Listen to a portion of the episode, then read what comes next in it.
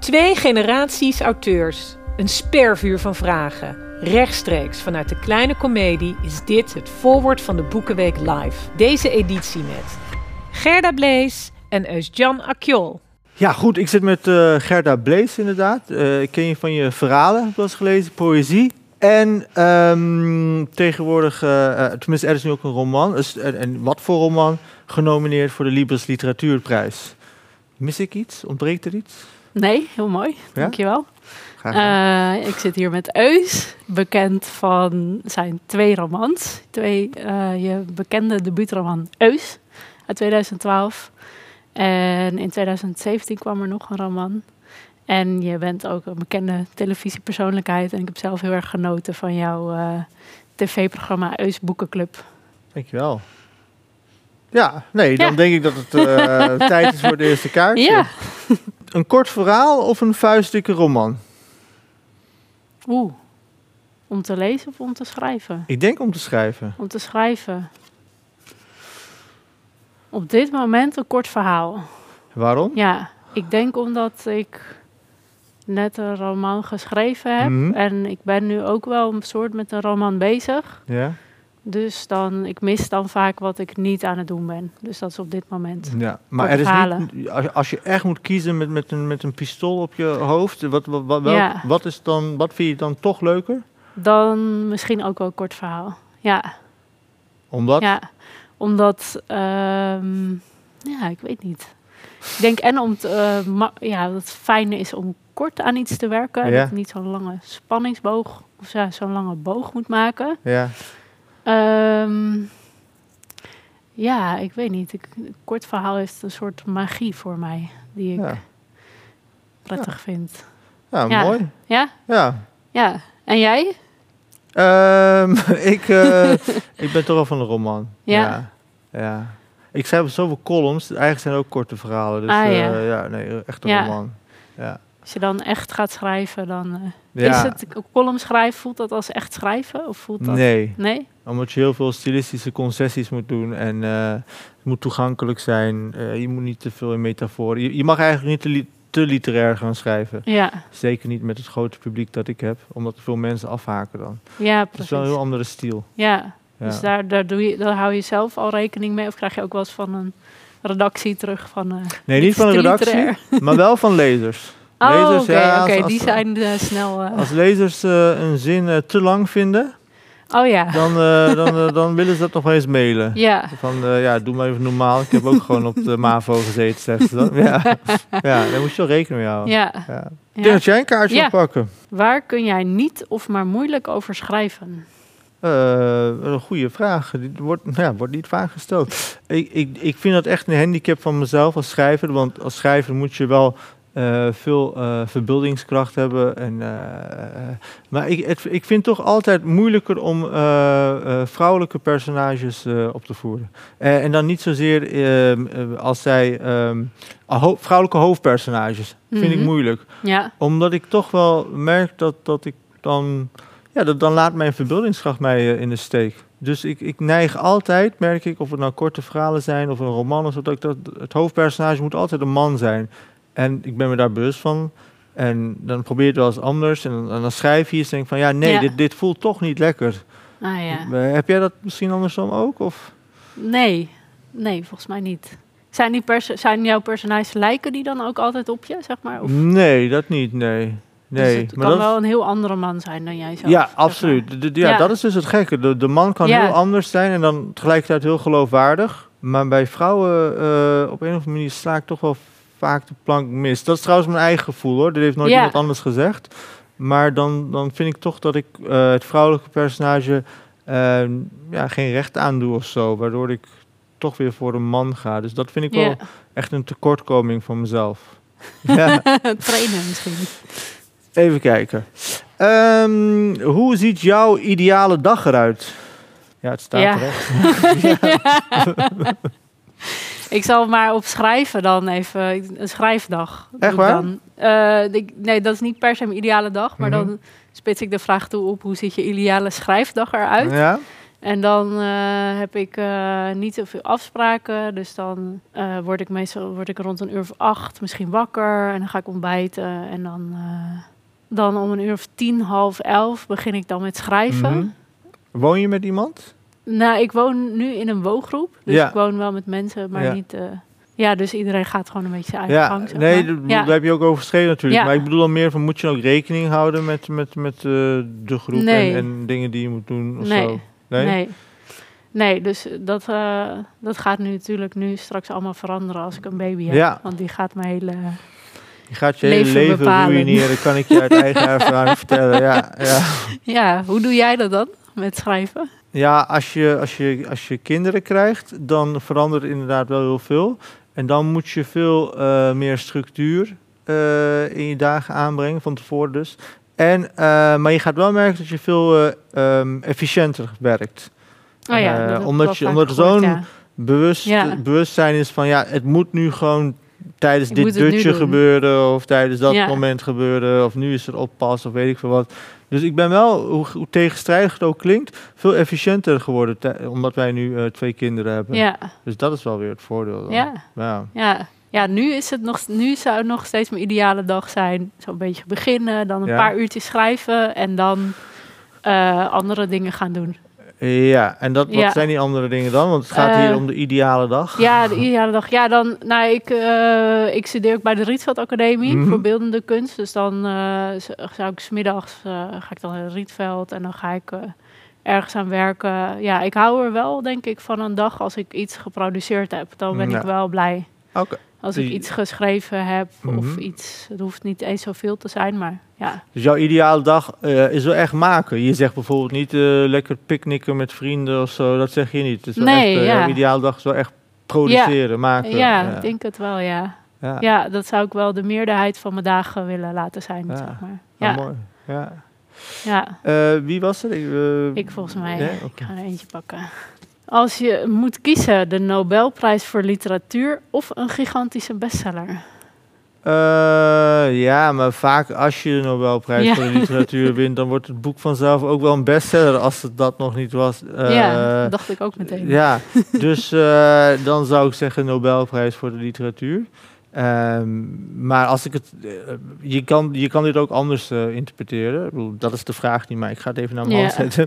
Je kan ook bijvoorbeeld zeggen van, eh, wil je 10 mooie recensies en maar 5000 exemplaren van je boek verkopen? Of wil je eh 100.000 boeken verkopen ja. en dan helemaal geen mooie recensies? Wat, wat zou jij dan zeggen? Nou, ik, ben, ik zit meer in de eerste categorie. Ja. Want Jij zegt maar 5000 boeken. Ja, En eh, nou, ik heb een verhalenbundel geschreven en een Ja. dichtbundel. Nou, dan ben je al ja maar echt dat, is- helemaal... dat is een moeilijk genre natuurlijk. Ja, ja. maar zelfs met mijn roman eh, is het ook nog niet zoveel meer, zeg maar. Mhm. Dus ehm, ja, ik ben wel tevreden, maar ik zou misschien dan... Ja, het is een beetje een flauw dilemma, vind ik ook wel weer. Ja, Want eigenlijk zou ik vooral zeggen dat het belangrijk is... Ja, dat, het, dat, je, dat ik blij ben met het... Dat ik zelf denk Ja. dat het een goed boek is. ja. En iets van erkenning is wel fijn, denk ik. ja, maar dan Ja. het is in die zin niet echt een flauw dilemma. Want je zou kunnen zeggen, iets van erkenning zeg Ja. je. Maar wil je die erkenning van de In de lezer... vorm van verkoop of in de vorm van... Nou, verkoop Ja. is een ander verhaal, maar het zijn lezers. Dus, dus die hebben Ja, een precies. getalen gelezen, dus die waardeert het boek. Ja, Of tien van die puriteinen eh, die bij de krant werken en die eh, ideeën hebben over hoe een roman ja. gecomponeerd moet worden. Dus dat zou misschien eh, de vraag kunnen zijn. Ja. Wat zou jij zeggen? Ik, ik vind die lezers altijd belangrijk Ja? dan een particuliere mening van een recensent. Ja. Ja, Ja.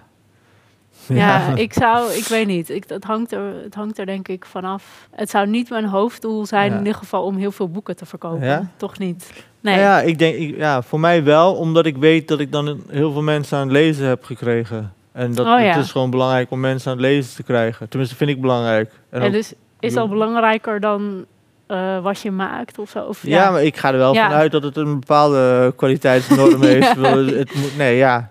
Nee, maar ik, ik denk ook niet. Goed, dat is weer een heel andere discussie. Eh tuurlijk zijn er ook eh, boeken minder geslaagd die toch wel veel verkopen. Maar ik, ik, ik heb En wel- andersom, boeken die goed, heel goed zijn, maar niet zoveel verkopen. Ja, Ja. ja, maar daar is altijd denk ik ook wel een reden voor.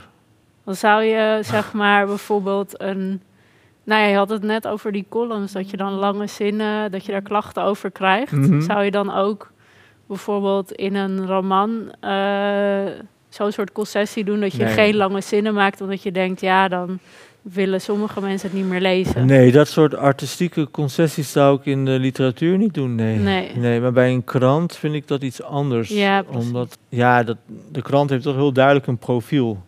Eh, en de lezers Ja. hebben ook heel duidelijk een profiel. Ja, Dus, dus, dus je, je sluit je bewust aan bij een krant. Dus dan moet je ook rekening houden met de omgeving. ja. Dus dat vind ik wel een verschil, ja. ja. Maar jij gaat Ja? dus eh, voor eh, een Nobelprijs zonder veel verkoop. ja, misschien wel, ja. Muziek of literatuur? Muziek of liter- literatuur. Ja, hè? Ja, Ja, ik had zo'n eh, die discussie onlangs eh concertgebouw met Paul Witteman. Die, Oh. die zegt dan echt muziek. oh ja. Want dat vindt hij een vorm van eh, religie. Maar ja, nee, voor mij is het ook echt wel literatuur, ja. ja. Ja. Kan je het ook uitleggen? Ja, ik, ik, ik, ik, als ik hem gewoon helemaal op mezelf toepas, ik, le ik, ik lees veel meer dan ik muziek luister. Ik vind muziek luisteren Ja. wel leuk, maar het is, ik, ik mis het ook niet heel erg. Wat luister je dan? doe. Dan luister ik naar de radio, naar Radio Paradise of zo. Of Ja. Ik luister ook wel naar klassieke muziek, soms naar Radio 4. Mhm. Maar dat is niet... Muziek is en niet ik, zo... ja, eh, ik hou ook wel van... Ik speel gitaar, dus dat doe ik ook wel eens. Oké. Maar ja, het is veel minder belangrijk voor me dan lezen en schrijven. En, Ja, dan hebben we dezelfde mening. ja, Ja, dus, eh, dezelfde gevoelens. oké. Ik ga er nog één pakken. Wat is je vreemdste ervaring met een lezer? Eh, ja, daar heb ik er eh, heel veel van. Ik denk drie jaar geleden in eh, Den Bosch, in het theater daar. was helemaal vol, was met Griet op de Beek toen en ik samen optreden. Ik denk 400, 500 man of zo. En toen naderhand, dan ga je signeren, er was een enorme rij. En mensen hadden ook wel drank op. Dus het was echt zo'n zaterdagavond was het ook. Ik had zelf ook al wat op. En toen ehm, kwam er op een gegeven moment een mevrouw bij mij aan tafel staan. En die zei tegen mij van... ehm, ja, eh, ik heb heel geboeid zitten luisteren naar jou op het podium. Maar ik vond het eh, vooral heel bijzonder omdat ik niet wist dat jij ook boeken schrijft. Ik kende je alleen van het programma Keuringsdienst van Waarde, zei Oh. ze tegen mij. En eh, daar vond ik je ook altijd heel leuk. Maar nu ik je op het podium gezien, vind ik je ook... En ik ga je lezen. En toen, maar ik wist wat er aan de hand was. Want in Keuringsdienst van Waarde in het programma... Ken je dat programma trouwens? Ja, Daar zit eh, een jongen met mijn achtergrond ook. Een Oh, Turkse jongen. Dus zij dacht dat die Turkse jongen in de Keuringsdienst van Waarde... dat jij dat dat ik dat was, ja. Dus dat was heel ongemakkelijk. En toen moest ik tegen die vrouw zeggen... Ja, mevrouw, dat is een andere Turk. Eh, ik, ik, ben, ik ben Eus en eh, dat is eh, Ersin heet die jongen. Dus ja, dat was wel heel ongemakkelijk. En ik heb een keer meegemaakt dat ik ergens moest optreden in Rotterdam. En er er was met, de- bij de Doelen heet dat geloof ik. Was 300 man publiek, dus dan, dan ga je bijna in jezelf geloven. Maar toen kwam ik daar bij die, bij die man, die daar de beveiliging, die, Ja. die bij de deur stond. En die zei, eh, ja, mag ik je polsbandje zien? Ik zei, ja, Oh, hoezo? Ja, eh, want eh, je mag alleen naar binnen met een polsbandje. Kennelijk was dat zo. voor de bezoekers. Ik zei, ja, ik heb geen polsbandje, maar ik ben degene voor wie ze komen. Ik moet optreden. En toen zei hij van, ja, niks mee te maken. Alleen mensen met een Hmm. polsbandje mogen naar binnen. En, en het was heel surrealistisch, want die mensen waren Ja. dus voor mij gekomen. Maar ik mocht niet naar binnen, omdat ik geen polsbandje had. Eh, dus toen wilde ik echt weglopen, want ik vond het echt grappig. Ik dacht, wow, ik heb nu een heel goed verhaal. Maar toen waren er mensen die in de rij stonden, die zeiden van... hé, hey, hey, we komen voor hem, je kan hem niet wegsturen. en toen was hij toch wel overtuigd van dat ik echt daar moest zijn. Toen mocht ik naar binnen. Ja, vond je dat echt een grappig verhaal? Want het Ik- lijkt me echt heel naar eigenlijk. Nee, ik vind het wel in- grappig. Ja? Ja? Nee, ik vind het wel grappig en relativerend. En eh, ja, nee. Ik heb wel vaak van dit soort dingen hoor. Dat ik, ik heb wel eens dat ik met Adriaan van Dis ergens moest optreden. En eh, hij woonde toen nog in het oosten bij mij. Ja, En we reden samen. We rijden altijd samen naar optredens. We moeten best wel vaak samen optreden. En toen kwam ik daar aan en toen dacht iedereen dat ik zijn chauffeur was. Van Oh, de, jeetje. ja, dat is ook wel grappig. En toen, toen hield ik dat zelf ook vol. Ja, ik ben de chauffeur. En toen zeiden ze, ja, eh jij mag erachter zitten. We hebben krentenbollen en appelsap en zo. En als Adriaan klaar is, dan gaan we je wel roepen. Maar ik stond ook gewoon op dat programma. Dus ja, ik maak heel vaak ongemakkelijke dingen mee. Ja. En jij? Ja, ik heb eigenlijk niet zoveel. Ik heb natuurlijk ook veel minder lezers. Mhm. ja. Maar eh, nee, ik kan ook eigenlijk niet iets heel raars bedenken wat, eh, wat me is bijgebleven. En in de mail of Ja. zo? Mailtjes, ja, soms nu met mijn laatste... Maar dat was eigenlijk niet naar aanleiding van mijn boek, maar ik had, een, ik had een filmpje op mijn website staan. En daar kreeg ik wel een, een heel raar mailtje op van eh, waarin diegene mijn uiterlijk in dat filmpje ging beoordelen, zeg maar. Ja, uiterlijk. Ja, ja. Oké, en Dus wat dat- voor eh, beoordeling Ja, was dat? van, ik, ik vond het niet echt mooi om je te zien of zo. Nou ja, het was, het was niet echt... Ja. Nou, het, was, het, was het, het leek alsof het ook wel een beetje... Er, waren, er werden ook positieve dingen gezegd, maar in het Ja. algemeen was het een beetje vreemd. Ja. ja. En trek je dat ja. aan? ja, ik heb misschien ook wel een beetje wat jij hebt, dat ik het dan grappig vind. Mhm. Maar ik vind het dan ook niet leuk. Dus nee. ja, dus weet scratch je ook wel dan? ja, misschien wel. Of dan probeer je het een beetje weg te lachen of zo. Ja. ja. En dan word je bewust van dat je inderdaad eh, een soort van van buiten bekeken, of ja, dat je dat je van buiten bekeken wordt en Mhm. dat mensen dingen van je vinden of zo. Dat Ja. wil ik altijd niet voor niet weten eigenlijk. Ja, nou, dan hoop ik voor jou dat je niet de literatuurprijs wint. Dan gaan Ja. allerlei mensen het oneens zijn, want dat is Ja, altijd precies. zo. De winnaar Ja. heeft het nooit goed gedaan. Nee. Het is altijd de Nee. verkeerde die gewonnen heeft. Dus eh, Ja. nou, sterkte. Nee, ik Ja, hoop dank wel dat je, dat je gewoon eh, die prijs wint hoor. Is er nog een eh, boek dat ieders aandacht verdient volgens jou? Oh, die, dat is, oh, dat vind ik echt zo'n moeilijke vraag. Omdat ik nu al heel vaak die vraag. De laatste tijd heb ik Mhm. heel veel dingen meegedaan. Ja? waarbij ik die vraag kreeg. Oh, Dus, wat zei je ehm, toen dan de Nou ja, tijd? ik kan, dus ik heb het idee dat ik dan elke keer wat anders moet zeggen. Maar ik ga dan nu gewoon hetzelfde zeggen. Want dat heb ik dan bij eh, de VPRO Mini Beep, Beep Oh ja. eh, ook gezegd. eh, het boek van Mariana Enriquez. Een Ja. verhalenbundel. Dingen die we verloren in het vuur. Oké. Met een beetje lugubere, nare verhalen. Ja. Ik, hou wel, ik hou sowieso van korte verhalen. En Ken je trouwens FB Hots? naam wel, maar ik denk niet dat ik ooit dat is echt de meeste van de korte verhalen. Misschien Ja. wel de beste, tenminste Nederlandstalige schrijver die ik eh, heb gelezen als het gaat om dit genre. Dus zou je echt eens moeten lezen ook. eh. nou, daar heb ik meteen een tip aan jou Ja. gegeven. Eh, ja, nou, Ja. oké. Is er een zin waaraan je vaak denkt tijdens het schrijven? Eén zin waar je vaak aan denkt tijdens het schrijven. Ja, Eh, nee, dat zou heel raar zijn, want je bent dan op dat moment zelf bezig om zinnen allemaal te maken. zinnen. ja, Ja, eh, bijzondere vraag? Nee, Ja. dat heb ik niet, nee.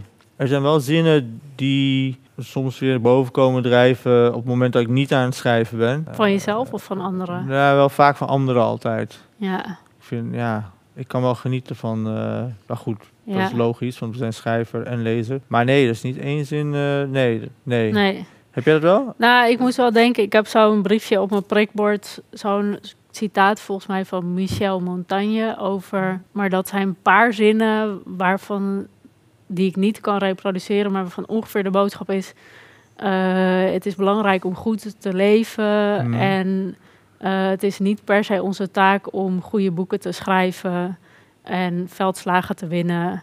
Het Ja. gaat erom om rust en kalmte te vinden. Ja. Dus dat, dat is wel een soort, maar dat is niet per se iets waar ik heel erg aan denk als ik schrijf. Maar dat vind ik wel een Ja. soort motto van ja, goede boeken schrijven is uiteindelijk niet het belangrijkste. Ja, ja.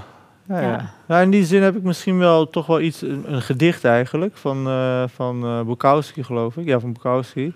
Daar, waarin hij heel, eh, heel energiek eigenlijk eh, opschrijft van, eh, ja, waarom je schrijver moet zijn. Dan zegt hij van, als Hmm. je het voor de, voor de vrouwen doet, eh, don't do it.